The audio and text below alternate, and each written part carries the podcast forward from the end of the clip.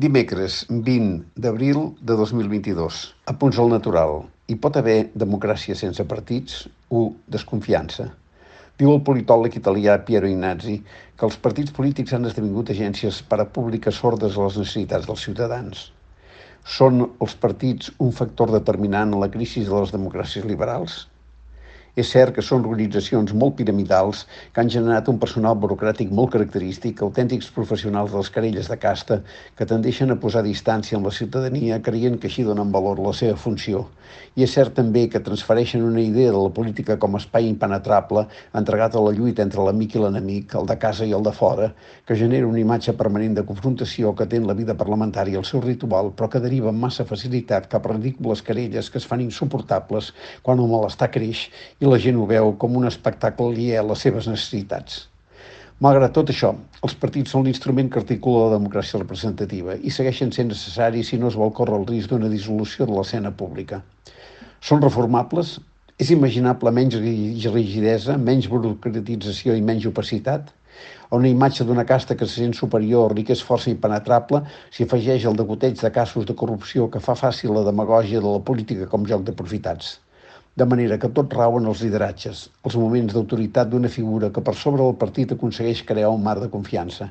Però l'acceleració de l'actual model de comunicació no hi ajuda, l'exposició és gran i el risc també. Dos destins. França té habilitat per crear etiquetes i sembla com si ara haguéssim de descobrir la crisi de les democràcies liberals que fa temps que s'arrossega i que fonamentalment és l'efecte del pas del capitalisme industrial, que havia trobat un singular equilibri entre model econòmic, estat-nació i institucions democràtiques, el capitalisme global, financer i algorítmic, on aquell encaix sembla cada cop més difícil perquè les relacions de poder han canviat i els que manen són d'un altre món. Està de moda dir que el que s'imposa ara i d'aquí els èxits de les, extremes, de les extremes dretes és el replegament sobre l'espai nacional. Però és possible quan els grans poders són globals? O és la manera d'imposar a la ciutadania les exigències dels que salten fronteres? En tot cas, la situació francesa fa més pregona la reflexió sobre els partits polítics. Emmanuel Macron i Jean-Luc Mélenchon tenen en comú haver anticipat la crisi dels partits de la dreta convencional i de l'esquerra per la via de projectes personals amb organitzacions improvisades amb limitada implantació territorial. Marine Le Pen és tot el contrari, un lideratge suportat sobre la vella figura del partit moviment ancorat en el territori i present en totes les batalles polítiques.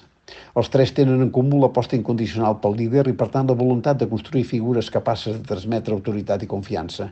Però què seria la República en Marx sense Macron o la France Insoumise sense Mélenchon? Curiosament, la Republican i el Partit Socialista conserven encara un poder local considerable malgrat el seu esfondrament a les presidencials. És inseparable el destí de la democràcia i els partits polítics? Necessitem els partits per actualitzar les democràcies liberals abans de que s'imposi per la força dels canvis econòmics i socials la mutació cap al il·liberalisme? Si guanyés Marine Le Pen, França es convertiria en pilot d'un canvi que posaria a prova les seves institucions i de rebot les de tots. No oblidem que l'evolució de la democràcia americana després del subversiu període Trump encara no està clara. Si, com sembla més probable, Emmanuel Macron salva els mobles, sortirà tanmateix molt tocat d'aquesta aventura. El to elitista de la seva expressió, l'obsessió en ajuntar permanentment França i Europa en el seu discurs, ha fet que molts el vegin allunyat de la realitat quotidiana als francesos. En cinc anys no ha estat capaç d'evitar el creixement de l'extrema dreta. Ho serà a l'hora d'emprendre la renovació ja ineludible de la Quinta República?